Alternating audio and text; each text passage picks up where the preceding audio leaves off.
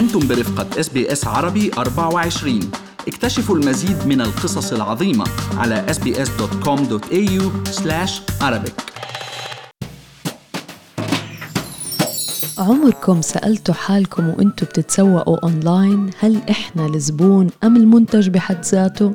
ال data اللي بتجمعها عنا المواقع الإلكترونية هي النفط الجديد ورأس المال الحقيقي بهاي الأيام. معكم مرام إسماعيل من بودكاست لنحكي عن المال. واليوم رح نحكي أنا والمحلل الاقتصادي عبد الله عبد الله عن استخدام معلوماتنا الشخصية أونلاين للدعاية والتسويق والتسوق. ونشوف هل فعلا ممكن نستفيد ماديا من هذا الكنز يلي بيملكه كل شخص فينا. بس خليني أذكركم إنه كل اللي بنقال بهاي الحلقة هو على سبيل المعلومات العامة فقط وليس نصيحة خاصة. عبد الله يبدو إنه هدف كل شركات الأونلاين إنها تجمع أكبر عدد ممكن من المعلومات الشخصية عنا وين ما نروح شو بنشتري شو بنقرا وشو هواياتنا وغيرها كمان كتير من معلومات. مزبوط مرام وإذا بتلاحظي نحن كل مرة يعني بإطار بحث أي شيء على الإنترنت يعني حتى نحن يعني خلال تحضيرنا لحلقات البودكاست عن مواضيع مختلفة من قروض وتأمينات وغيرها بعد ما نخلص تحضير الحلقة بتلاقي ال news feed تبعنا امتلى دعايات لمنتجات وخدمات متصلة بهذا الموضوع. وهذا الموضوع فعلا جدي يعني. ولو إنه في خلف هذا السر مرام آه، الشيء اللي بيقولوا له الكوكيز. صحيح عبد الله الكوكيز بتطلع لنا كل مرة بنجرب نفوت على website. نفسي أعرف شو علاقتها فينا وبتصفحنا للموقع نفسه. هلأ بالبداية خليني أقول لك اليوم من وين جاي الاسم. وهو فعلا يعني مشتق من كلمة fortune cookie يلي آه، هن الكوكيز يلي بيجوا داخلهم ورقة مكتوب عليها يعني كثير بيعطوها بالمطاعم. آه، بكون عليها مثلا رسالة صغيرة معينة بيلعبوا فيها الأصحاب بيكونوا بالمطاعم مثلا أو أو حتى بتشتريها من المحلات اسمها ال fortune cookie هلأ شو خاص الموضوع بالإنترنت؟ آه، الجواب إنه نحن اليوم أي شيء بنعمله مرام على مواقع تصفح الإنترنت أو ال browsers موقع جوجل وغيرها من من المواقع دغري بيروح من كمبيوترنا أو تليفوننا يعني تليفوننا الشخصي لجهاز خادم الإنترنت الرئيسي يلي يعرف بال web server. على شكل رسائل صغيرة بتحتوي المعلومات عن عملية التصفح هيدي اللي نحن قمنا فيها. بتشبه لحد ما الرسائل اللي بتجي بقطع البسكوت ال fortune cookies. مشان هيك إجت اسم كوكيز آه، آه، يلي بيستعملوها. وهاي الشركات عبد الله عم تعمل fortunes أو ثروات من وراء هاي الكوكيز. وخلينا نسمي الأشياء بأسمائها. يعني عم بيعملوا أموال عبر استعمال معلوماتنا الشخصية. آه، صحيح واليوم في العديد من الطرق للشركات لتجمع معلوماتنا الشخصية. منها مثلا تطبيقات الألعاب المجانية. يلي نحن صحيح بنستعملها بالمجان ولكن هي فعلا بتكون عم بتجمع عنا معلومات. ونحن بكل بساطة بنروح بنكبس على زر ال accept لل terms and conditions ولا حدا قاري شيء وبالآخر نكبس هالكبسة. وما بس هيك يا ريت توقف على هيك. في كتير اليوم من التطبيقات على مواقع التواصل الاجتماعي مثل مثلا أعرف شخصيتك أو أنت مثلا أي شخصية مشهورة بتشبه هيك أسئلة بيسألوها بتطلع مثلا على الفيسبوك أو غيرها. صحيح عبد الله هاي الألعاب كثير انشهرت بآخر فترة أو ممكن يسألوك أسئلة إنه عن حالك وإحنا بنفرح آه بدهم يعرفوا شخصيتنا بطلع مثلا أنا مثل جون ترافولتا. أيوه أنا ممكن أطلع مادونا مثلا بكل بساطة. يعني لأنه نحن بالآخر بكون عم نعطيهم معلوماتنا الشخصية ببلاش. يعني خذوا هالمعلومات واصطفلوا فيها. وفي كمان أيضا مواقع التعارف والتسوق وكثير من الشركات المتخصصة بجمع معلومات الشخصية بهذا الفضاء الواسع اللي اسمه الإنترنت. وهي الشركات اسمهم data brokers مرام. يعني مثل ما في mortgage broker مثل ما في real estate broker data broker هو وسيط ما بين منتج ال data اللي هو نحن والشركات اللي بهمها استعمال هيدي ال data شغلتهم يجمعوا معلوماتنا ويبيعوها لشركات الدعاية والتسويق عبر الإنترنت. طب عبد الله خلينا نجيب من الآخر يعني هل يا ترى نحن ممكن نستفيد من معلوماتنا الشخصية لنعمل منها مصاري؟ وإذا آه يا ريت تقول لنا كيف. إيه فينا. آه وفي عدة طرق اليوم آه ولو إنه بعده الموضوع بأوله نوعا ما يعني.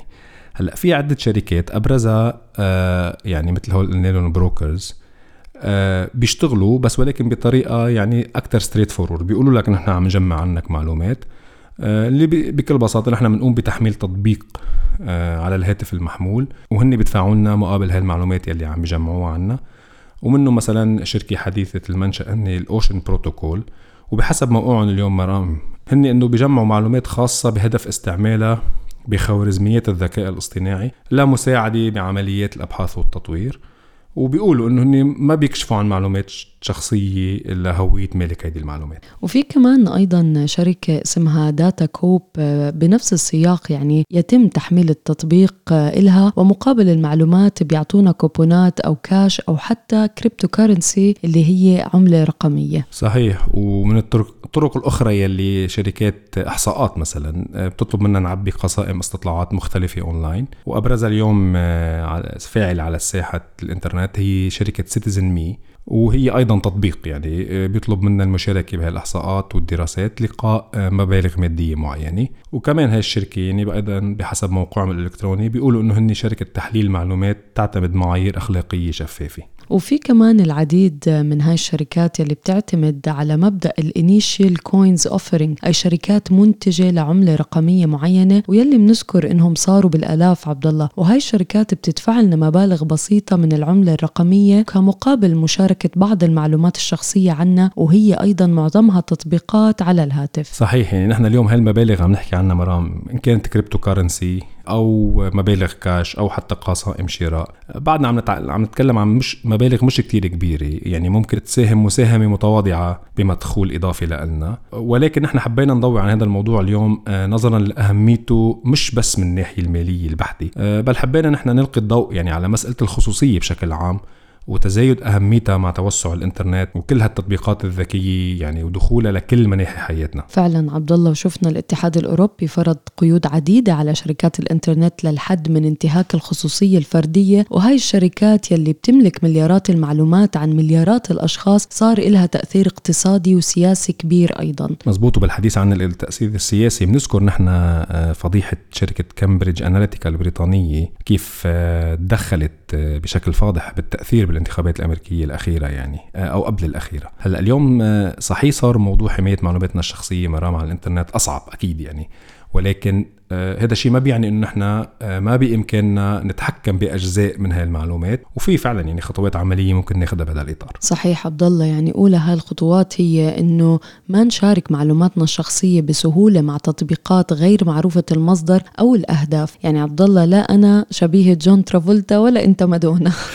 مزبوط صحيح يعني أكيد آه، بالآخر يعني تخيلي إنه نطلع أنا شبيه مادونا. ما بدنا نقول هالمعلومات هني. ونحن يعني فعلا ما كتير نشارك كل تفاصيل حياتنا على مواقع التواصل الاجتماعي. يعني عملية بسيطة مش وين ما رحنا وشو أكلنا ومع مين كنا ظاهرين وسهرانين نخبر كل العالم. وكمان الأخطر هن يمكن مواقع وتطبيقات المواعدة اللي هن ال dating sites وهيدي المواقع بطبيعتها بتسأل أسئلة ممكن تكون عن جد كثير شخصية فننتبه نحن شو عم نشارك معهم معلومات عنها. صحيح وما ننسى إنه اليوم الهاتف المحمول صار كل شيء تقريبا بحياتنا يعني في صورنا معلوماتنا تطبيق البنك معلومات ال credit card أو أي بطاقة إلكترونية بال بال wallet الإلكترونية اللي عندنا على الموبايل مثل بطاقات التسوق وتجميع النقاط وغيرها. ولهيك يعني ننتبه ننتبه نحن شو هي التطبيقات اللي عم ننزلها على الموبايل شو طبيعتها وشو هن ال reviews اللي عليها. دائما قبل ما ننزل تطبيق معين حتى لو كان game للأولاد إن عم ننزله على موبايلنا نطلع على ال reviews نشوف آه، هاي الشركة اللي عملته آه، شو ال reviews تبعيتها شو الأهداف منها. نعمل شوية بحث يعني قبل ما ندخل هالتطبيقات على على حياتنا الشخصية لأنه مثل ما قلتي يعني الموبايل اليوم في كل حياتنا الشخصية. وأيضا كل المواقع الإلكترونية اليوم إذا بتلاحظي مرام صارت مجبورة بس ندخل عليها تقلنا إنه آه، هي بتعتمد سياسة كوكيز معينة. معظمنا بيقول اليوم بيوافق من دون ما نقرأ حتى أي شيء عن سياسة الكوكيز مع العلم إنه نحن بإمكاننا نختار بيعطونا الخيار دائما نشوف شو هي المعلومات يلي ما بدنا إياها تسافر مع الكوكيز آه، من جهازنا لجهاز ال web server أو الخادم الويب ويعني إذا بدنا نختمها مثل ما بلشتيها مرام ال data فعلا هي النفط الجديد ولهيك اليوم معلوماتنا الشخصية هي كنز لازم بقدر الإمكان قد ما بنستطيع تبقى ملكنا الشخصي. ملكنا الشخصي ونحافظ عليها أكيد ويعني رغم كل يلي عم نشوفه اليوم من خرق بعض الخصوصيات عبر الإنترنت لا يزال بالإمكان إنه ناخذ احتياطاتنا ونستطيع نعمل بعض المبالغ البسيطة مقابل هاي المعلومات ولكن الأكيد إنه ما لازم نعطيها هيك ببلاش وبسهولة. خليكم معنا مستمعينا في بودكاست لنحكي عن المال لنواكب كل المستجدات اللي بتهم حياتنا المالية والعملية في أستراليا. هل تريدون الاستماع إلى المزيد من هذه القصص؟ استمعوا من خلال أبل بودكاست، جوجل بودكاست، سبوتيفاي أو من أينما تحصلون على البودكاست